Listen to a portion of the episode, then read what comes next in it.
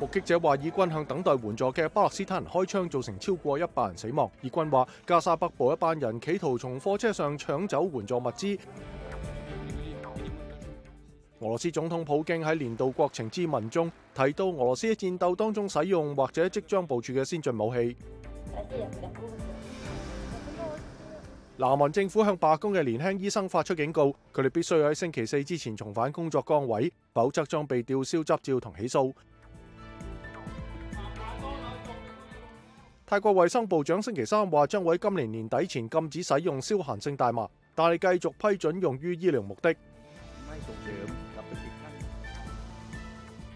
联合国驻刚果民主共和国维和特派团星期三开始撤军，将卡马尼奥拉基地移交俾刚果当局。